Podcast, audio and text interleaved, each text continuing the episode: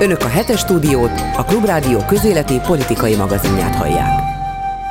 Megbeszéljük a hét eseményeit László Mártával, tévés újságíró kollégánkkal és Lévai Júliával, az élet és irodalom publicistájával. Örülök, hogy két ilyen kitűnő kollégát sikerült a mai beszélgetésre megnyernünk Bolgár György mellé. Szervusz Gyuri, neked is. Kezdjük egy bemelegítő kérdéssel. Nem mondom, hogy ez lenne a hét legfontosabb eseménye, de mindig olyan kis jellemzőt próbálok találni hivatalos rendőrökre, tűzoltókra biztosítást kötöttek eddig, majd azt mondták, hogy felesleges biztosítást kötni, ez olyan nagy kiadás, hogy nem éri meg, ha valami kár történik, majd az állami költségvetésből ezt kifizetik, és megspóroljuk, amit a biztosítóknak kell adni. Egészen addig a bejelentésig, amely a héten került elő, hogy mégiscsak kötnek biztosítást, meglepetés, meglepetés, egy olyan céggel, biztosító céggel, amely valahogyan Mészáros Lőrinc érdekeltségi körében van. Hogy lehet ez? El nem ez tudom tényleg. képzelni teljes rejtély. Hihetetlen. De attól tartok, hogy ö, perek sorozatától tartottak, és mégiscsak meg kellett találni valami megoldást, hogy, hogy mégis legalább úgy nézen ki. Mit csinálunk, ha majd a klubrádió fennmaradására kötnek biztosítást? Vagy fogadást. Hát azt már megkötött. Van, fog... van fogadó irodája Mészáros Lőrincnek? Van, vagy lesz. Lesz, jó. De az igen, hát most már a külföldi online szerencsejátékozást azt hiszem megakadályozták Magyarországon, mióta nem állami monopólium, és azt hiszem a valami cég, akinek kaszinóik is vannak Magyarországon, azok szervezhetik. Három az egyhez, hogy felmarad a klubrádió tovább, mint Mészáros Lőrinc bankja. Na, tartjátok? A héten Zelenszky ukrán elnök Kárpátaljára látogatott, többek között Ungváron és Beregszázban is volt, találkozott a magyarok képviselőivel, olyan katonákkal, akik magyar nemzetiségűek és harcolnak természetesen az ukrán hadseregben, mindezt azért egy olyan környezetben, ahol Magyarország nem kimondottan ukrán barát, és ezen a találkozón részt vett az a e, Sándor Fegyír, vagy Fegyír Sándor is, aki Ukrajna kijelölt magyarországi nagykövete lenne, ha az agreementet, a hozzájárulást a Magyar Köztársasági Elnök a nemzetközi protokoll szokásai szerint megadná, de nem adja meg, ezért nem foglalhatta el még állomásait. Az, hogy elment, az egy véleményem, véleményem szerint egy nagyon jó ötlet, ráadásul most volt először ebben a térségben, és a képek alapján az ember azt látta, hogy, hogy üdvözölték az emberek, tehát jó kedvük volt, nem, nem, nem imitált jó buli, hanem kifejezetten kedves fogadtatásban volt része. Ez, ez számomra ilyenkor mindig az a kérdés, hogy a közszolgálatinak nevezett és a csatolt részei, tehát a kesma által uralt hírforrásokban mennyi jön, ezt most nem néztem meg, megmondom őszintén, nem tudom, hogy ti tudjátok-e, hogy egyáltalán volt-e hír ott, és hogy mi volt, ugyanis ennek az üzenete számunkra teljesen egyértelmű. Szóval nem kérdés, hogy a, az ott élő magyarokat ő ugyanúgy teljes értékű ukrán állampolgároknak, állampolgároknak tekinti. tekinti, sőt, hát ha tetszik, akkor hazafiaknak, ugye, mert most mindannyian közösen a hazájukat védik, és ez egy nagyon erős üzenet lenne, ha így le tudna, vagy eljutna a magyar nyilvánossághoz, csak attól tartok, hogy nem. Viszont azt láttam az újságjaikban, hogy már az beindult, hogy hogy ké, és hogy ez csak egy népszerűséghajhászás, azt hiszem ezt te is mondtad, ugye, az előbb, hogy csak egy népszerűség kereső valami akció. Nem, és, én ezt nem mondtam, és, és csak nem bocsánat, is gondoltam. Ne arra, ugye azt hittem idézted.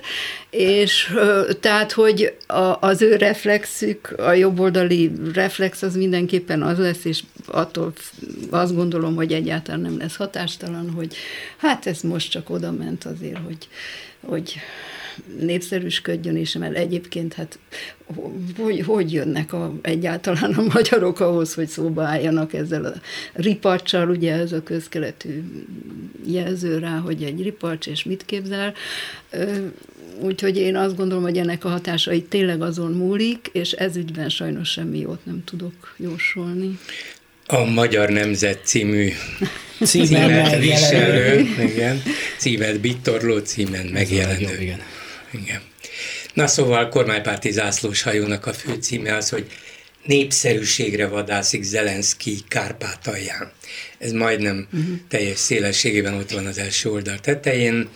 Úgyhogy igen, ez az első reakció arra, hogy Zelenszky váratlanul odament, de azért biztos, hogy nem ezzel intézik el, nyilván többet is akarnak megtudni a dologról. Én csütörtökön fölhívtam az Orbán kormány korábbi moszkvai, majd a legutóbbi időki kievi nagy, nagykövetét, most a külügyi intézet főtanácsadója Ígyártó István, és megkérdeztem erről a látogatásról. Azt mondta, hogy az ő információi alapján nagyon pozitív volt, azok, akik ott voltak, mindenképpen pozitívan fogadták Zelenszky mondandóját, és eleve az is egy kedvező dolognak minősíthető, hogy nem néhány kiválogatott ember volt ott, hanem sokféle közösség, sokféle képviselője, és még az oktatási, illetve nyelvtörvényről is szót lehetett vele váltani. Ebből kiindulva megkérdeztem tőle, hogy nem lehet-e ezt úgy értékelni, mint egy gesztust, amit az ottani magyar közösségnek, de a magyar kormánynak is akar tenni, hogy lám, itt vagyok, a magyarok számunkra fontosak Kárpátalján, ezen az alapon akár a magyar miniszterelnök elmehetne végül az Európai Unióban utolsóként, Kievbe is tárgyalhatna a vitás kérdésekről, amire a diplomata, azért diplomatáról van szó, válasz az volt, hogy hát, öm, ö, ö, hát minden esetre nem tudja eldönteni, hogy Zelenszky gesztusa fontosabb, vagy az ő fő tanácsadójáé. Ez a interjú, Podol, Podolják Podol, interjú, aki a HVG-nek adott interjút, és aki elég keményen bírálta Orbánt, azt mondta, hogy ha ezt kívánják tőle, akár letérdel a Putyin előtt is. És amíg ez, nem, amíg ez nem derül ki, hogy melyik a fontosabb, melyik a lényegbe vágó, hát addig nem hiszi, hogy erre sor kerülhet. De én meg azt mondom, hogy Szerintem egy elnöke van Ukrajnának, az Zelenszkinek hívják. A főtanácsadó még csak nem is döntéshozó. Ő tanácsokat ad, aztán Zelenszky vagy megfogadja, vagy nem, de egyelőre úgy látom, hogy ez a menekülési útvonal, hogy na jó, jó, Zelenszky végül elment oda, na de mit csináljunk, hogyha az a másik meg szít bennünket. De szerintem gondolkodás folyik arról, hogy nem lehet-e itt valami kölcsönös kompromisszum alapján előbbre lépni. Hát ha más nem, legalább azt végig gondolni, hogy, hogy abban kellene gondolkodni, hogy az ottan, ott élő magyaroknak mi a jó. És nem az, hogy, De hát hogy most mi? akkor nekem nem tetszik, mert színész volt. Igen, és volt még mellette öt diplomája, köztük jogász, ugyanolyan jogász, mint a magyar miniszterelnök. De ez a hmm. dimenzió nem érdekli Orbán Viktor, tehát őt az érdekli, hogy teljesítse azt a messiás építési tervét, miszerint ő a magyar nemzet nagy nemzetegyesítője, megváltója, nem tudom, még igazán ennél többet nem szokott ebből kihozni, és hát miért érdekelné, hogy konkrétan mit gondolnak azok, akik a ott élnek. Hát Meg mi lesz nem velük? őrülük van szó, nem őróluk van szó, kizárólag Orbán Viktorról van szó. Ebben ez De a szavazótábornak tekinti. Hát, Azok ö... szerintem megvannak, mint szavazók, már akik ott maradtak. Én a háború előtt nagyon sokat tudom. jártam Kárpátaljára, be is telt két útlevelem, azt hiszem, hogy még ott pecsételnek. János, neked is Semmi, de nekem a családom egy része ott született, képzeld. Hát szerintem sok család ott született, és ez, ez egyébként nagyon gyakori, hogy a családom ott született, hát ott élt, de már nem él ott. sírja. Minden nap izgulok, hogy ne bombázzák le. Azért csak nem fognak bombázni. Szóval, hogy egyrészt nagyon sokan eljöttek lettek már a háború előtt is. Tehát a magyar közösség nagyon megcsappant természetesen, most aztán a háború idején gondolom még jobban, és azért az teljesen nyilvánvaló volt, hogy az a politika, az a magyarországi politika, amire pénzt se sajnáltak tenni, hogy hogyan lehet összeugrasztani a magyarokat az ukránokkal. Tehát egy abszolút egy sérelmi politikát próbáltak már akkor játszani, aminek nyilván a vesztesei az ott élő magyarok lesz, lettek, vagy, vagy, vagy lesznek, vagy, vagy lennének, de mint hogyha Ukrajna ebben most ügyesebb lenne akár a magyar nemzetiségű nagykövet jelölt kinevezésével, vagy jelölésével, akár ezzel a mm. látogatással, és hát ukrán szemmel tényleg nehéz az Orbáni politikát azt hiszem megdicsérni, akár egy elnöki tanácsadónak is. Szóval azért az keresni kéne az érveket. Hát még hivatalban lévő diplomata Hadd kérdezhetek valamit, hogy uh-huh. szerintetek, mert azért némi bomlást, nagyon halvány bomlást érzek a Orbán körüli garnitúrám, nagyon halványat, ezt szeretném hangsúlyozni, de hogy nem elképzelhető, hogy mégis akad valahol egy ember, aki tud számolni, és aki azt kiszámolja, hogy Magyarország presztízsének baromi jót tenne, hogyha Orbán most mégis, most mindegy, hogy mit gondolunk róla egyébként, de mégis viszonozná ezt valamiféle gesztussal. Szerintetek van erre esély? Mert ez tényleg azt gondolom, hogy ez az egész történetben az a rettenetes, hogy az országunkat járatja le, de valami hihetetlen mértékben minden eseménnyel, ami a múlt héten történt, az, azzal csak az ország híre neve sérült, hogy nem elképzelhető, hogy valaki mégis fölébred, és megpróbálja őt Hát ki az, aki neki ellent mer mondani? Kezdjük ott. Nem Én biztos, merek, ez csak ez nem sokat számít. ez nem sokat ér. Hát nem tudjuk. Vége, vége lenne a pávatáncnak, nem? Hát az De... Orbáni politika lényege, hogy ide is játszunk, oda is játszunk, nem foglalunk állást. Ez nem a mi háborunk, ez a szlávok belső háborúja.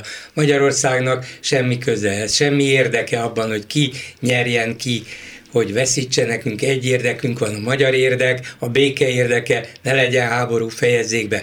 Abban a pillanatban, hogy Orbán azt mondja, hogy igen, hát persze mondtuk mi ezt, hogy orosz agresszió, és nem is helyeseltük, elítéltük, a lehető legkevesebb de elítéltük, és akkor most elmegyek Kievbe, és azt mondom, hogy gratulálunk Zelenszky elnök úrnak, hogy ilyen hősiesen és bátran ellenállt az orosz támadásnak, és ezért Magyarország változtat eddigi politikáján, és fegyvereket is szállít, vagy átenged fegyvereket, vagy hozzájárul az Európai Uniós fegyvervásárlásokhoz, támogatását adja arra, hogy, hogy mielőbb tagja legyen az Uniónak és a NATO-nak. Nem, én csak azért kérdeztem meg a volt nagykövetet erről, mert ez volna a logikus, ez volna a tisztességes, ez volna az európai, és ez volna Szerintünk. a magyar érdek. De ez nem Orbán érdeke, hát úgyhogy sajnos nem fogja megtenni. De még úgyse, hogy Fedő Dumának azt találja ki, hogy azért megy oda, hogy meggyőzze a Zelenszkit a békekötésről? Mert hogy például ez a rögeszméje, hogy most kell fegyverszüneti tárgyalásokat tartani, és hogy akkor azért megy oda igazán, mert ő ezt akarja szemtől szembe képviselni. Ez nem egy lehetséges azért most megjelent a lelki szemeim előtt, nem tudom, mennyire figyelitek így a, a, a, a politikának a, a külsőségeit. Orbán Viktor testőrök gyűrűjében, mentőmellényben, vagy hogy hívják ezt ilyen? Golyóálló, golyóálló mellényben. Hát mentő golyóálló. Szóval az óvodások, az aszfalt A óvodások közé is páncélingben, golyóálló mellénybe megy. Zelenszky mindig egy, egy rövid újú trikóba, t-shirtbe jelenik katonai meg. zöld. Egy, de egy trikóban jelenik meg egy ilyen kigyúrt izé csávó. De most, hogy ketten együtt találkoznak. És akkor ott van egy háborús ország, tényleg igen, igen veszélyeztetett vezetője ingújba, vagy egy trikóba, és jön a másik a golyóálló mellényébe egy relatíve békés országból. Csak hogy a látványt képzeljétek magatok elé titkos tárgyalások lesznek, nem engedik be a És azt mondod, hogy, hogy, hogy Orbán, Orbán Viktor is atléta trikóba megy? Jaj. Nem, az kizárt. De van ellenpán példám.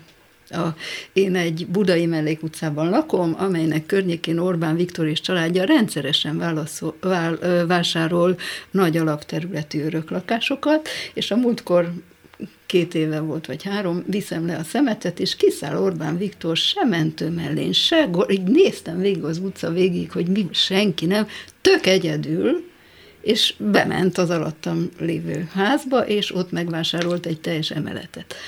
Na most Maga? Ilyen, SK? Hát nézd, én aztán nem mentem utána. Nem, én nem mentem utána, mert őrülten telefonáltam a barátjaimnak, hogy mit dugjak a kipufogott csövébe, hogy ne tudjon tovább menni. Ezzel voltam elfoglalva, de megtudtam, mert három nap múlva kint volt a Léva Janikó és az Orbán Ráhel neve a Tényleg? táblán, igen. Tehát nem is titokban van. Nem, és azóta is ki van egyébként. Jó helyen tehát, a, a, tehát, hogyha Ukrajna felkínál neki egy lakásvásárlási ilyeneten, egy kúria vagy házvásárlási De hát Orbán Ráhel akkor... és Lévai Anikó gazdag emberek. Ebből igen. is látszik, hogy Orbán viszont nem az. Igen. Ő csak intézni ment a dolgot. Igen, igen, apuka intézne. Na de nem volt vele, tehát tényleg egészen megrémültem, hogy oda megyek és behúzok neki, akkor ezt megtehetem minden további nélkül. De hát nem csinálunk ilyet. Hát úrinő nem csinálja vízumszabályok változása, az Egyesült Államok szigorított azokon a szabályokon, ahogy a magyar állampolgárok vízumhoz juthatnak. Ugye kedvezményes körbe tartozott, illetve hát részben még tartozik ma is Magyarország, nem nincs vízumkényszer, de kell kérni egy belépési engedélyt, és ezt most rövidebb időre, bonyolultabban adják meg. Azt hiszem, hogy a dolognak a jelképes súlya nagyobb, mint egyébként Igen, a, talán a valódi hatása. Így van, és ez csak egy, ez egy koki ö, tulajdonképpen ahhoz képest, amit, ö, amit ez jelent. Tehát ö, én azt gondolom, hogy, hogy ez tényleg csak egy olyan komoly első lépés, aminek az lesz a következménye, hogy ezeket szépen lassan egymás után szigorítani fogják. Az amerikaiak nagyon kényesek a pénzükre, az üzleteikre, a tőkéjükre, és hogyha úgy látják, hogy ez az ország nem biztonságos, akkor el fogják innen vinni a, az üzleteiket, a befektetéseiket. És mi leszünk az egyetlen Európai Uniós ország, ha még akkor uniós tagok leszünk, teszem hozzá most már itt egészen kételkedve, eh, akinek, tehát a 41 nehány ország, aki megkapja ezt a könnyített vízumot, az abból mi leszünk az egyetlenek, akik től ezt elveszik. Annak idején, amikor bejelentették, hogy, hogy a kettős, az adóztatás megszüntetését, a kettős adóztatását. Akkor az egyik adószakértővel készítettem éppen interjút, és azt mondta, hogy hát ez egy nagyon komoly, nagyon rossz döntés, számunkra nagyon rossz döntés, az amerikai üzletfeleknek is, teszem hozzá, de ezt még egyszer újra tárgyalni nagyon-nagyon hosszú idő lesz, és helyreállítani ugyanazt a jó viszonyt. Nagyon komoly baj ez szerintem a mi gazdaságunknak. Hát a harmadik legnagyobb partnerünk, azt hiszem, ha jó számolom. Meg hát egy olyan szemmel látható méretű ország. Jó, hát de meg nem is beszélve. Hogy, szóval itt is azt gondolom, hogy hihetetlen dilettantizmus, hogyha most csak a jog államiság felől nézem ezt a dolgot, hogy nem az a reakciójuk, hogy ó, elnézést, igen, hát akkor az most indítunk mi is egy vizsgálatot, felülbíráljuk azokat a ö, állampolgársági, hogy hívják ezt, alkalmassági, nem tudom, egyáltalán azt látom, hogy hiszen nincs is megszabva az egyetlen feltétele, hogy valaki, aki határon túl él, állampolgárságot kapjon, hogy magyarnak vallja magát, vagy magyar ősei legyenek. De ezen kívül, szóval én több országban is láttam ilyen állampolgársági kvázi vizsgát, ott rettenetesen sokat kell tudni. Az országról, a történelméről, a kultúrájáról, az irodalma el kell tudni énekelni a himnuszát, jó, ezt a legkönnyebb talán nekik, illetve nem biztos, mert hát azért lépten nyomon kiderül, hogy e, iszonyú sokan nem tudnak magyarul. Azért, azért hát, a határon belül született magyar állampolgárok egy jó része elvérezne ezeken a vizsgákon. Minden esetre ugye erről azért elég, elég sokat lehetett hallani, hogy milyen csellel, trükkel szereztek meg állampolgárságot. Hát de most de, de, hát ide jöttek a letelepedési Igen. kötvények. Na de ha egy állam Azok kap egy ilyen, ahogy te mondod, kokit, akkor az a minimum, hogy összekapja magát, és azt mondja, hogy jaj, ó, elnézést, hát akkor ezt most rendezzük, és valamiféle ö, jogszerűnek kinéző intézkedéscsomagot mégiscsak felmutat, mert ebből az is következhet, hogy ismét kapunk egy jogállamisági vizsgálatot. Hát most pénteken a köztársasági elnök egy pár embertől megmondta a állampolgárságot. Nem de képletesen, hát, valóban? Ez valóban, tényleges? Már az a képletesség, hogy pár embertől megmondta, ez csak egy ilyen, De hát ez egy csak egy formai gesztus, igen. teljesen igazad van, és, igen. Ez és csak egy üzenet, formalitás, mint minden Az náluk. üzenet szimbolikus, igen. ugyanis magát a döntést, bár most közölték a magyar közlönyben, de július elején hozták. Júli, ott van a, az időpontja, a dátuma, hogy kit mikor um, fosztottak meg az állampolgárságától, de nyilvánvalóan azért tették közzé, hogy lám, mi megcsináltuk, amit az amerikaiak kértek. Ők bizonyos kérdésekben azt mondták, hogy ez biztonsági és egyéb okokból nem jó, az illető visszaért ezzel a magyar útlevéllel, rossz személyazonosságot adott meg, és így tovább, és mi nem ellenőriztük, ez az alapkifogásuk, hogy nem a magyar himnusz nem tudják, az, arra nagy évben tesznek az amerikaiak, hanem hogy nem azok jelentkeztek be magyar állampolgárnak, akik nem csak, hogy valóban a magyar törvények szerint erre erre jogosultak volnának, hanem éltek ezzel a nagyon is megkönnyített magyar lehetőséggel, megszerezték a magyar útlevelet, ezzel a szabad belépést Amerikába, az Európai Unió országaiba, holott nem azok voltak, akik. És még ezt se ellenőrizték. Hát emlékezzünk rá, hogy voltak jelentések arról, hogy százával be terelték valamilyen épületbe vagy nagy terembe azokat, akik éppen az állampolgárságért folyamodtak, gyakorlatilag formalitás volt. Az egész. Jelentkezett, ad meg a nevet, születési helyedet, stb. Hogy mennyire ellenőrizték, mennyire nem, azt se tudjuk, és megadták boldog-boldogtalannak, csak azért, hogy meglegyen az a legalább bűvös egymilliós, most már annál is nagyobb szám, amit például választási okokból is használhattak, meg politikai súlyt is növelő lépés volt ez. Minél nagyobb a szám, annál nagyobb a nemzet. No, tehát az amerikaiak azt mondták, a rendszer nem jó, magyarok meg azt mondják, hát mondjátok meg konkrétan, hogy akkor most a Kovács úrral van-e bajotok, vagy valaki mással, akinek nem is magyar a neve, mondtak az amerikaiak ilyet, és lám, megfosztottuk őket az állampolgárságuktól, de az amerikaiak számára nyilván az nem megnyugtató, hogy jó, én valahonnét megtudom, hogy ez, ez gyanús, ez, ez esetleg leleplezhető, ez, ez így nem stimmel. Szólok a magyaroknak, és azok azt mondják, tényleg, tényleg megcsináljuk, utána nézünk. Hanem a rendszer rossz, de erre mi a magyar válasz? A rendszeren nem változtatunk, mert megadjuk nektek a magyar állampolgárságot, a kettős állampolgárságot szerzett emberek nevét, minden adatát, ami rendelkezésünkre áll, ti pedig vissza fogtok élni vele. Hát mit csinál ugye a barátunk, szövetségesünk? Rögtön visszaél vele, elviszitek Ukrajnába az ukrán kettős állampolgárok nevét, és majd gyakorlatilag ez van benne, bár kimondva már nincsen Rétvári Bence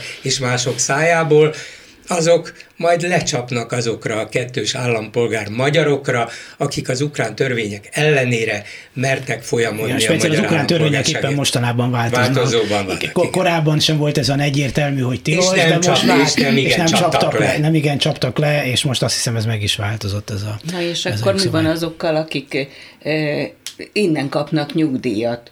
Igen. Hát azok, azoknak azt a pénzt el kell utalni.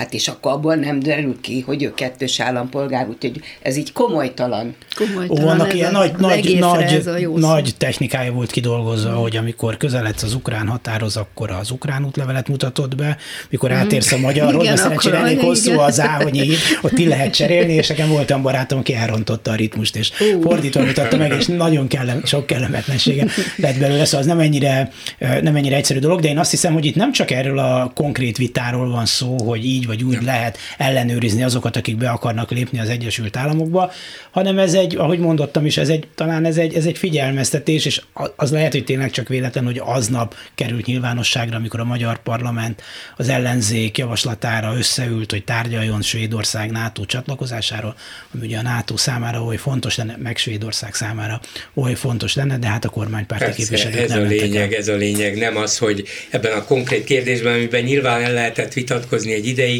évek óta vitatkoznak róla egyébként, és azt lehet mondani, hogy hát az Egyesült Államok azért nyilván ennél nagyobb biztonsági kockázatokat is, is megélt, és túl is tette magát rajtuk, de azért léptek ebben az ügyben, konkrétan alátámasztható ügyben, mert a magyar kormány az elmúlt 13 évben folyamatosan és állandóan durván, agresszívan, primitíven támadja az amerikai politikát, és nem fogad el semmiféle tanácsot, javaslatot, kérést, ami az úgynevezett illiberális demokráciát illeti. Ha az amerikaiaknak nem tetszik, tartsák meg maguknak, mi szuverén ország vagyunk, ez a válasz mindenre, és még hozzá Biden is korrupt, pont. Hát akkor tudunk mi válaszolni, mondják Amerikában. Viszont úr, szóval, ha figyeltétek, akkor Biden úr nak nevezték a válaszukban, ami, ami egy nagyon erős üzenet a bázisuknak, hogy hát hát ez egy ilyen familiáris dolog, itt mi kell, Biden úr meg Orbán úr egymás közt ezt ilyen szubjektíven mondja. Biden úr beszól kvázi az ablakon, hogy na mi van, hogy képzelitek, hát ez ugyan már, hát nevetséges. Úr. Igen, Igen, egyébként most a Trumpot, mikor a a bíróság előtt meg kellett jelennie a minap, akkor azt a kommentátorok felhívták rá a figyelmet, hogy a bíró Mr. Trumpnak szólította, míg a korábbi bíró Floridában a former presidentnek, tehát volt elnök úrnak szólította, most már csak Trump álljon fel, Mr. Trump álljon fel. Ennyit mondtak neki, úgyhogy biztos van ezeknek hát is mert hogy abban a pillanatban, hogy ebbe az épületbe belép, abban a pillanatban a vádlottat rabosítani kell. Igen. Egészen addig, amíg ki nem lép abból az épületből. Van biztos értelme annak, hogy miért így, hív, miért így szólították, csak erőt eszembe, mm. amit mondtál. Talán emlékeztek arra, és fel tudunk egy csomó ilyen példát sorolni, nekem a kedvencem az az, amikor pár évvel ezelőtt Ausztriában a humoristák viccelődtek Magyarországon, mire a magyar nagykövetnek tiltakozó levelet kellett írni, ahogy már pedig Magyarországon nem viccelődünk, nem viccelődünk, mert mi értjük, elvtársakat is nem szeretjük, és ez számtalanszor, ez számtalanszor előfordult, hogy a magyar nagyköveteknek ugye tiltakozni kell. Ki minden. volt adva utasításban, így van? Igen, igen. De most akkor megjelent a, mit mondtál, a Magyar Nemzet nevét bitorló ez a bitorló, ez nagyon nyomdatermék, lehet ezt még fogozni, bitorló nyomdatermékben egy cikk erről a vízum ügyről, akkor az amerikai nagykövet nehezményezte a szó használatot, azt hiszem vízum szankció, szankció. azt mondták, és erre egy ilyen, hát nem rengeti meg talán az Egyesült Államokat, de mégiscsak egy hatalmas sajtóhagyjáratot indítottak. Innen figyelmeztetjük Amerikát, hogy, hogy hazudtak, és hogy cenzurázni akarják, és még ifjú Lomnici Zoltán is megszólalt. Még őt is bevetették, pedig Még az is bevetették, Az pedig nagy ágyú, úgyhogy a Fehérházban megremegtek a kezek, hogy már pedig cenzúrát akarnak. Tehát valami olyan hangot ütöttek meg, hogy, hogy tényleg a legviccesebb 50-es, már mából visszanéző vicces, legviccesebb 50-es évek hangját sikerült megütni. Kora 50-es évek, ma késő 50-es évek, szerintem az nem volt erről eszembe, bocsánat, zárójelben, hogy az én édesapám vidéken volt állatorvos, és amikor ő oda lekerült, tehát ugye 50-es éveket említem, akkor ott abban a községben volt vagy 5 vagy 6 TS. És az egyik libatelepen megdöglöttek éjszaka a libák. És azon... hallottam egy viccet. ez, a, ez a történet maga. és a, kihívták az állatorvost, hogy állapítsa meg, hogy mitől döglött meg mert hogy biztos, hogy a másik TS emberei Azt megmérgezték a libákat. Persze. És hát ilyenkor az a dolga az állatorvosnak, hogy a hullát összecsomagolja egyet-kettőt ezekből, és az ő állatorvosi ö, megállapításaival fölküldi ide Budapestre a laboratóriumba, hogy állapítsák meg. És az én édesapám annak rendje módja szerint elküldte a libákat mérgezéssel, majd az egyik libának a hóna alá berakott egy cetlit, hogy tisztelt kollégák, én tudom, hogy ezt mennyit harapta meg, és attól döglöttek meg szegények, de nem tudok más csinálni. És akkor utána egy-két hét múlva jött a papír, hogy igen, ez mennyit. Hát egy jó helyre kell elhelyezni egy cédulát. Ennyi a titka az egésznek. Azt hát... hittem, hogy ez nem vált be, és a TS elnök a vége azt mondta, pedig annyi ötletem volna. Már nincs több. László Mártával és Lévai Júliával beszélgetünk valamint eh, Bolgár Györgyel. Ez a hír szerintem másért érdekes, mint amiért első pillanatban érdekesnek tűnik. No. Kövér László megbüntette a mi, mi hazánk nevű, hogy hívják ezt a nyilaskás pártot, mi hazánk e, e, képviselőjét Novák elődött a cigánybűnözés szó használatáért, ami önmagában persze akár helyes is lehet, na de két havi jövedelmére büntette, ami 5,2 millió forint, és akkor így elkezdett a pénztárgép csattogni a fejembe, hogy Hmm. Ezek hogy szerint ki? a nyilaskás párt képviselőjét a demokrácia nagyobb dicsőségére havi 2,6 millió forinttal plusz költségtérítés szponzoráljuk, de mondjuk ez valóban csak részletkérdés ahhoz képest, hogy na hát, na hát, mik vannak. Mert eddig csak az ellenzéki pártokat büntették vagy büntette kövér. Jó, úgy érted, hogy csodálkozni kéne, hogy a kövér most lecsapott egy rasszizmusra? Aha, például. Az azért érdekes, fogalmam sincs, hogy mi ebből a konklúzió, de nagyon emlékszem rá, hogy amikor Bogdán Emil, biztos emlékeztek erre a névre, aki 91-92 körül ez a De ki az én fele barátom címmel elsütötte egy iszonyatos pigmeusozó, ja. baktériumozó, ezért, hogy a csurkista, hát a, a csurkista igen, igen, a vasárnapi újságban is elhangzott, aztán a ringben, és így ők, végigment az egész jobboldali sajton, és istenítették, hogy végre valaki kimondta, hogy ezek a hát tudtuk, hogy zsidókról van szó alapvetően, de hát liberálisoknak voltak azt hiszem nevezve konkrétan, hogy azok azért nem lehetnek az ő fele barátai, mert hát azok nem emberek, hanem a nemzettestre nézve káros baktériumok, bacillusok. Szóval ilyen biologizáló ektenáci szöveget hozott be, és az első az a Kövér László volt, aki a parlamentben magából kikelve üvöltött. Szóval, akkor én nem lepődtem meg, mert hiszen ők akkor élenjáró liberálisok voltak és jogvédők, de azon, a, azon lepődtem meg, hogy hihetetlen átéléssel, és rögtön utána egyébként a Fidesz kezdeményezte is az Antalnál, aki aztán ezt nem hajtotta végre, azt, hogy váltsák le ezt a Bogdán nem írt a kisebbségügyi és egy, egyházügyi bizottságnak volt érdekes módon éppen az elnöke. Ez a megfelelő embert a megfelelő Abszolút eltalálták, és Hát érdekes történet volt, hogy eszük ágába se volt leváltani, és azt mondták, ugye hát ez egy persziflázs a liberálisokról.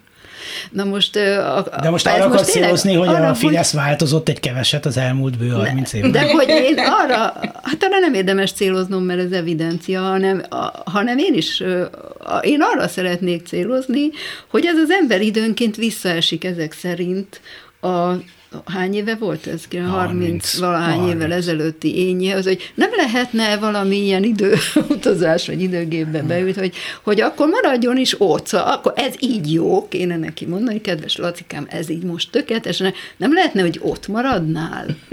És akkor mindannyian sokkal jobban járnánk, a, a, csodálkozna a vezér, de hát... Egyébként erről egy másik hír is eszembe jutott, ami ö, ezen a héten történt, amikor megállapították, hogy rettentő alacsony a magyar diákok kompetencia képessége. Már hogy nem tudnak olvasni. Nem tudnak értelmezni. Írni se, de ez már másik uh-huh. kérdés. Lényeg az, hogy, hogy maga a szóvívő mondja Igen, ki, hogy, hogy ott vannak ilyen nagyon rossz eredmények, ahol roma családok élnek. Cigány szót is használta rá. Na jó, hát nem akartam jó, így, mindegy, de hát nem ez akkor most itt a szóvívő használja. Sőt, ez a szóvívő, De, a miniszterelnökséget igen. vezető miniszter maga. Maga, igen. Igaz, hogy ő, ő szokta a szót vinni, de mégiscsak miniszter, Hozzá úgyhogy viszi. igen, mégiscsak magasabb helyen áll a hierarchiában. Közben, hogy beszéltünk erről, néztem utána, mert eszembe jutott hirtelen, hogy amikor volt ez a bizonyos Kozma gyilkosság, ez a román kézilabdázó hmm. Veszprémben, Szörny. akkor mint hogyha elhangzottak volna hasonló minősítések, talán még a Fidesz közeléből is, és hát mit ad Isten, vagy mit ad a Fidesz meg az internet. 2009-ben a Fidesz elnöksége kiadott egy közleményt, és azt írták, hogy ki kell mondani. A cigány származású emberek által elkövetett súlyos bűncselekmények száma aggasztó módon növekszik. Nagyon ügyesek, ugye mindig ilyenben nagyon ügyesek az, hogy cigánybűnözés, nem uh-huh. használták ezt a fogalmat, nem írták uh-huh. így le. De hogy a cigány származású elkövetők, cigány származású emberek által elkövetett súlyos bűncselekmények száma növekszik, azt lemerték írni, ez ugye ugyanazt jelenti. De egyébként akkor, hogy visszatérjek az eredetihez, hogy Kövér László súlyosan megbüntette a mi hazánk képviselőit, ezzel egyetértek, bár csak továbbra is ilyen értelemben használná a büntetések lehetőségét. Amit Márta felhozott, szerintem ez egy nagyon lényeges kérdés, ebben a vizsgálatban az, vagy ebből a vizsgálatból az derült ki, hogy a gyerekeknek két év folyamban nézték, a 40 a nem érti meg, a, nem tudja értelmezni a leírt szöveget még alapfokon sem. Na most, akármit is mond ez a szóvivő, hogy ott, ahol sok, sok a cigány gyerek, ott azt mondta, integrációs problémát látok benne. Nincs 40 százaléknyi cigány gyerek Magyarországon, de egyébként, hogyha lenne, akkor még, tehát a 40 százalék a tragédia, hát még egy, még egy akkumulátorgyár szalag munkásának is kell tudnia olvasnia, megértenie a, a szöveget. Tehát ez egy akkora dráma, hogy hihetetlen, és a tényleg a roma populációban magasabb ezeknek az aránya, hiszen ez inkább a szociális hely, nem inkább, ez a szociális helyzethez kötődik, nem a, nem, nem a származáshoz nyilvánvalóan, de hogyha egy ilyen relatíve jól körülírható szociális csoportról van szó, akkor azt lehet mondani, egyébként holnaptól indulnak a következő programok, amikor megpróbáljuk ezeket a hiányosságokat csökkenteni, ezeket a ehelyett egy nettó uszításra használja föl ezt is, és nem azt mondja, hogy hát lehet, hogy meg kéne nézni, hogy az oktatásban minden rendben van-e. De az oktatásban de... minden rendben van, hát nem mi, mi tudnánk olvasni, akarnánk, a cigányok nem tudnak olvasni, de és el van kezdjük ott, hogy, hogy kiderült, hogy 5000 első osztályosnak kell osztályt ismételni. Mert mindenkit bekényszerültünk hat éves korában az iskolába és bizony nem minden gyerek nem minden képes rá van, lehet kérvényezni, hogy, hogy és valami bonyolult administratív döntés alapján vagy engedélyezik, vagy nem, általában nem, mert ki van adva, hogy nálunk hat éves korban már pedig iskolába kell menni. Hát nem tudja a gyerek megtanulni. Lemarad, elmarad, és akkor ne beszéljünk arról, hogy következő évben jön megint egy garnitúra, na most ezt az 5000 gyerek mellé még berakni az újakat, és hát beszélgettem egy pedagógussal a nap egy interjú kapcsán, és mondta, hogy és bizony ezek a gyerekek általában olyan családból érkeznek, ahol nincs minden rendben, ahol anyagi, családi egyéb gondok vannak, onnan kerülnek ki ezek a gyerekek, és nem figyelünk rájuk eléggé. Én szerintem 5000 gyerek, első osztályos gyerek úgy kezdi az életét, hogy meg kell, meg kell ismételnie, mert nem tudja lerajzolni az abetűt. Az egy nagyon nagy szám, és ez egy rendkívül elkeserítő állapot. És arra, hogyha ha, ha még billegve is mondjuk úgy, ö, mondjuk kettesre át tudna menni, arra már nem tud építkezni, tehát, hogyha az első négy osztály nincs meg stabilan, arra nem lehet építkezni. Na most ehhez képest volt ma egy hajmeresztő élményem, Elritók Nóra posztját olvastam el kora reggel, ami ben idézte azt a még csak törvénytervezet, tehát most van itt az ideje, hogy lehessen valamit ellene tenni, azt a, azt a passzusát, azt hiszem 18. paragrafus, mindegy, amelyben arról van szó, hogy melyik pedagógust milyen képzettséggel lehet fölvenni az adott státuszba. És képzétek el, hogy a gyógypedagógiai szakképzettséghez, vagy szakstátuszhoz nem szükséges szakirányú végzettség. Elég, ha óvónőképzőt, ha nem tehát tudom, az a speciális tehát képzettség nem pont az a speciális nem kell hozzá, amitől ő gyógypedagógus. És, és Borzasztó. ez kiválóan beleillik abba a koncepcióba, hogy mindent lebutítani, mindent lehet, szóval már ott elkezdődött ugye, hogy 16 évesen hagyja abba az iskolát, tehát hogy az oktatáson belül valami olyan elképesztő rombo, tudatos, láthatóan tudatos rombolás zajlik, hogy minden szinten, és ez nagyon rímel arra, amit mondtál, mert hiszen amikor a, az 6 évesről 7 éves korában kiderül, hogy nem azért, mert butább vagyunk, egyáltalán nem azért, hanem mert még nem tud figyelni. A hat éveseknél általában azért nem szoktak tudni érettek lenni erre a dologra, mert nem tudnak, hát ezt a Vekerdi egyébként kiválóan Igen, elmondta, hogy az egész iskola rendszeren mit kéne már játszani kéne első osztályban, órákon keresztül és kín az udvaron, és ezt a Popper is még megerősítette, tehát minden hozzáértő ember magyarázza, hogy a hat éves kor, pláne a mai gyerekeknél minden egy kicsit úgy is kitolódik, teljesen értelmetlen, mert, mert egyszer hiába hót intelligens, az én unokám, az egy a kisebb, az tudott már olvasni folyékonyan, és mégse lett volna alkalmas, úgyhogy az óvoda maga tartotta őt ott, és állatira jó dolog volt ez így. De nem vagyunk de egyformák. Hogy, persze, persze. És de hogy, hogy erre még most ezt tényleg rátesz egy lapáttal, mert az a gyerek, aki 7 éves korában kudarcot kudarcot halmozott, amellé bizony gyógypedagógus kell, aki őt felzárkóztatja, vagy megnyugtatja, vagy elmondja, hogy, hogy nem olyan nagy probléma, ha osztályt kell ismételned, nem dől össze a vita. Tehát van egy csomó fogás, amivel ezt meg lehet oldani, vagy akár azt is meg lehet oldani, hogy fél évben azt mondja a gyógypedagógus, a saját szakértelmére hivatkozva, és akkor az már egy komoly szakvélemény, hogy kérem szépen ezt a gyereket hagyjuk most akkor ki, és jövő évre kezdje előről az első osztályt. Szóval de nem, még véletlenül sem, szóval nehogy még véletlenül is az történjen, hogy, hogy a, a, a gyerek meg a tudás érdekében zajlanak itt a dolgok, nem, minél inkább legyen és tulajdonképpen nem lehet. Most azt a részét az ember tökéletesen érti, és már ezerszer megírtuk 68 ezeren, hogy egyszerűen egy ilyen masszívan ostoba gondolkodásképtelen tömeget akarnak maguknak, mert azt gondolják, hogy azok aztán tényleg nevetve rájuk fognak szavazni ami egyrészt nem vagyok benne biztos, mert azok a tömegek tudnak a legdühöttebben felháborodni, amikor valami sérelem mégis éri őket. Azok csalódnak a legnagyobbat az ilyen hatalmakban, tehát még ez a része sem igaz, de ennek ellenére nem tudom elképzelni, hogy, hogy mégis miért jó ez nekik, mert hiszen hát azért hát pénzt valamennyi... lehet kivonni a rendszerből. Pénzt lehet nagyon sokat kiszedni még mindig a rendszerből, például azért is jó, ahogy ezek szerint nem kell gyógypedagógus a gyógypedagógus helyre, a matek tanárnak elég lesz ezentúl a négy fél év helyett csak három vagy két fél év alatt végezni, vagy a fizika tanárnak. Rengeteg pénzt lehet még mindig ebből a rendszerből kivonni.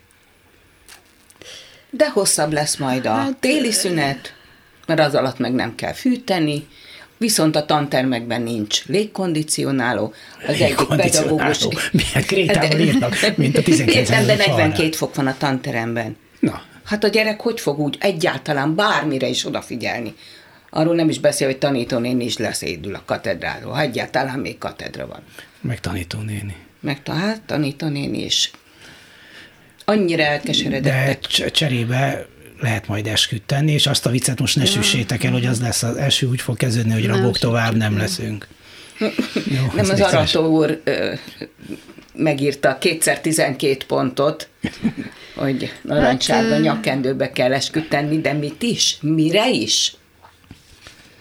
Szinte mindegy, én ha tanár lennék, akkor én ezt az eskütételi hajcit most ebben a helyzetben egy iszonyatos fenyegetésnek érezném. Azt érezném belőle, hogy ezt most, éppen most, mert ugye most lépnek ki, meg most még nem tudjuk, mert ugye ilyen zsilippelésszerűen fognak majd a rendeletek függvényében kilépni a pedagógusok, fogalmunk sincs, hogy végül is hány, de már most 200, jól emlékszem?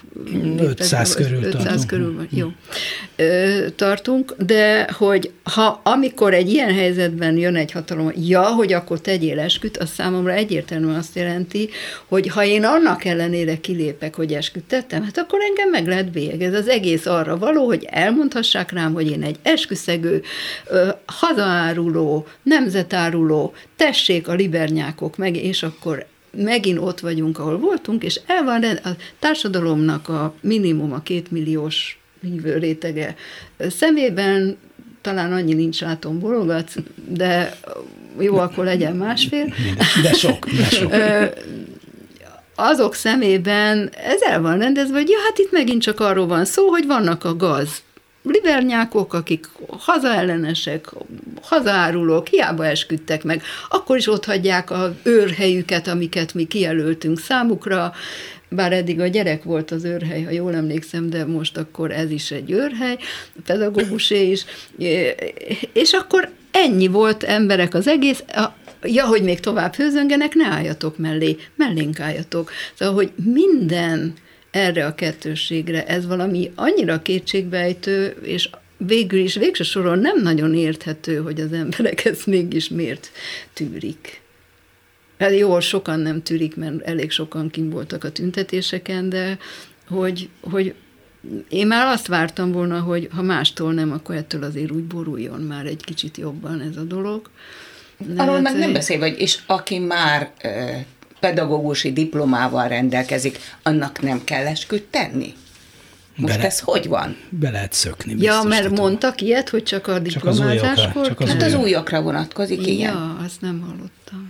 Most akkor még elmondom, hogy én nekem az alapdiplomám az pedagógus, tehát alsó tanít, szakos tanítónéni vagyok eredendően. Hát és akkor alig biztos, várom, hogy... biztos itt tedd le az esküt. alig várom, hogy kapjak egy kedves levelet, hogy tessék szíves lenni befáradni. Es, esküdés véget, esküdés lesz. A héten... Kerül sor. Kerül sor. Kerül sor kelt, mint fent, Pirburg párkáp. A héten megszűnt, ahogy hívták ezt, ársap árstop. árstop, és egy egészen más szisztéma szerint kötelező akciózásokkal kell kialakítani jó pár termékcsoportban az árakat a áruházláncoknak, illetve a boltoknak. Nem tudom, ti néztétek-e azóta, hogy hogyan alakultak a, az árak, van-e valami gyakorlati tapasztalatotok? Az, a, egy nagy áruházat tudok, amelyik ket megkérdeztek, hogy oké, okay, most már nincsen sapka, hurrá, de korlátozták, hogy mennyit lehet venni egy bizonyos termékből, azt hiszem a tej, az olaj, meg kristálycukor jut eszembe. Befőzés. Akkor csak kettő kilót lehet náluk venni, befőzési Igen, szezonban. Nálunk pedig, Igen. pedig kétszer annyiba kerül, mint eddig az árstopp alatt. Igen. Hát a de cukor az duplájára. De például a tojására az kevesebb lehet, mióta nincs árstopp. Ebből látszik, hogy a kormányunk hogy megvédett téged. Ne vegyél akkor, annyi tojást, ak- akkor talán nem egészséges. Az áruház meg megírta, hogy oda dobálod, és aztán jól az áruház, az áruház meg megírta, hogy e, e, mások is ezt csinálják, pipike, pupika, menjünk vissza a homokozóba. Hát ez nem válasz, ez egy kommunikációs vezetőtől nem válasz. Hát ez jó, ez mindegy. Hát ez, azért ez az alapkérdés, hogy szabad-e, szabad volt-e így beavatkozni az árak alakításába, meghatározásába, hogy ezt az Orbán kormány tette, már 2021, tehát még a háború megkezdése előtt néhány hónappal, például a 480 forintos benzin, dízel árral, és most látjuk, hogy éppen 630 körül tart. Szóval tudjuk, hogy annak idején miért csinálták, azért, hogy ez is segítse a választások megnyerését, megmutatja, hogy ez ez a mi jó kormányunk megvédi a szegény dolgozó magyar népet, és nem tudtak belőle kijönni, mert hogyha kiderül április harmadikán, nyertünk, nyertünk, negyedikén megszüntetjük az egészet, mindenki rájuk húzza, hogy hát ezt ti csak azért csináltátok, hogy nyerjetek, ugye? Nem, és ezért húzták, nem húzták, is nem hónapokig, is sőt, sőt évekig a dolgokat, miközben egyre nagyobb kárai voltak ennek, és a legfőbb bizonyíték, hogy ez egy káros és abszurd, és persze rengeteg gondot okoz a különböző kereskedőknek, valószínűleg ebbe kisebb boltosok bele is buktak. A legfőbb bizonyíték az, hogy hol is volt most már három éve, vagy a legutóbbi egy évben a legmagasabb az infláció az Európai Unió országai között? Magyarországon. Hogy lehet az, amikor alapvető hmm. élelmiszerek ár, árát korlátozták. Hogy lehet az, amikor az üzemanyag árának a befagyasztása mennyi ideig fennmaradt. Hogy létezik ez? Hát azért csinálták, hogy olcsóbban tudjunk megélni. És ehhez képest háromszor akkora az infláció, mint ott, ahol ilyen lépéseket nem tettek. Abszurd volt, sokba került, és nem mentette meg az embereket. Ahol a versenyt felszámolják, ott egész egyszerűen fölborul a gazdaság, fölborul a kulturális élet, minden, minden. És semmi más nem látunk az Orbán kormánytól, mint hogy szépen lassan főszámolnak mindenféle versenylehetőséget. Vagy csak olyat, olyat engednek, ami csak rájuk Hát vonatkozik. ahol meg viszont az államnak kell beavatkozni, lásd oktatásügy, ott meg pont az ellenkezőjét csinálják. Hát az is elég hajmeresztő, hogy azt mondták, hogy a, azokon a területeken, ahol nincs elég ö, fizika tanár, vagy kémia tanár, vagy akármilyen tanár, ott duplán fizetik majd meg a tanárokat, míg nem, ahol túlkínálat van, hát ott majd kevesebbet. Na most ez, ez ez megint hajmeresztő, mert itt meg viszont úgy tesznek, mint hogyha a pedagógus pálya egy szabadpiaci, az állami a pedagógus pálya egy szabadpiaci ö, helyzetet hozna létre, hogy ahol van kereset, akkor ottan kevesebbet kapok, ahol meg nincs, akkor, vagy hogy van fordítva, ott Igen, többet értjük, kapok. igen, igen. hát, hát ilyet nem lehet csinálni, hát az egészségügy és az iskolaügy az, amióta világ a világ, állami feladat. Ott nem lehet szabadpiaci viszonyokat, és egyre inkább ö, mennek afelé, és az az érzésem, hogy ezzel, hogy ki akarják tenni a köz, hogy hívják ezt a... Kitették, ez a státusz ez- törvény. Igen, tehát a közalkalmazott, ez nem jutott, köszönöm szépen, Ezen nem vagyunk eszembe. már. Közalkalmazotti viszony, Jogviszonyból. jogviszonyból az embereket, hogy e felé akarják őket nyomni, ami tűrhetetlen. Viszont a héten És a- megtudhattuk, hogy ilyen sokan még nem jelentkeztek pedagógusnak, mint az idén. Azt már nem tették hozzá, hogy annyira A lent vannak a ponthatárok, hogy valami kétségbejtő. Tehát hogy 27%-kal többen jelentkeztek egyetemre, mint tavaly. Ugye mitől van ez? Hát nyilván ennyivel több az, az Hát évfolyam egy- létszáma, persze, ugye? Nyilvánvalóan, hát akkor hirtelen kilőtt, ezelőtt Igen. 18-19 Igen. évvel, zárójel nem. Tehát azért jelentkeztek annyira sokan, mert hirtelen lényegében megszüntették a, a komolyan vehető határokat, azt akarták, hogy mindenki, aki csak bír, aki csak akar, jöjjön be az egyetemi rendszerbe. Ez nem azt biztos, is mondanám, nem, azt is mondanám, hogy ebben, hogyha tudatos politika volna, és nem az ellenkezőjét csinálták volna 12 éven keresztül, de az ellenkezőjét csinálták, akkor azt mondom, hogy van benne valami. Igen, lehet, hogy az egyetemek jobb helyek arra, hogy kirostálódjon az, aki nem alkalmas felsőfokú diploma megszerzésére, több időt ad, több keresési lehetőséget ad a fiataloknak, tehát nem volna baj tulajdonképpen, hogy hát ha nem is teljesen korlátok és szintek nélkül, de megengednék a szabad beáramlást az egyetemrekre, de itt nyilvánvalóan megint pánikreakció volt, ugyanúgy, mint a lélegeztetőgépeknél és másoknál, azonnal csináljunk valamit, Hát megcsinálták. És nem igaz az se, hogy ilyen sokan még nem jelentkeztek egyetemre, főiskolára. hogy Hat nem. év óta Igen. a legtöbben. Igen. Azért a hat év nem Az nem 33. soha. És hogy akkor azzal fejezzem be a beszélgetést, amivel kezdtük, a Dunaújvárosi Egyetem felújítását Mészáros Lőrinc cége, családi cége kapta meg, hogyha izgultatok volna. Tehát igenis Mészáros Lőrincnek komoly egyetemi tapasztalatai lesznek rövidesen. Köszönöm szépen László Mártának és Lévai Júliának, és természetesen Bolgár. Györgynek, hogy szépen. elmondták mindazt, amit megbeszéltük a hét legfontosabb eseményeit. A mai műsor készítésében közreműködtek Lantos Dániel, Horváth Ádám, Balog Krisztián, műsorunk második óráját megnézhetik a Klubrádió YouTube csatornáján, meghallgathatják a Klubrádió archívumában. A szerkesztő Csernyánszki Judit nevében is köszönöm a figyelmüket, szép hétvégét, Dési Jánost hallották. A viszonthallásra! A hetes stúdiót a Klubrádió közéleti politikai magazinját hallották.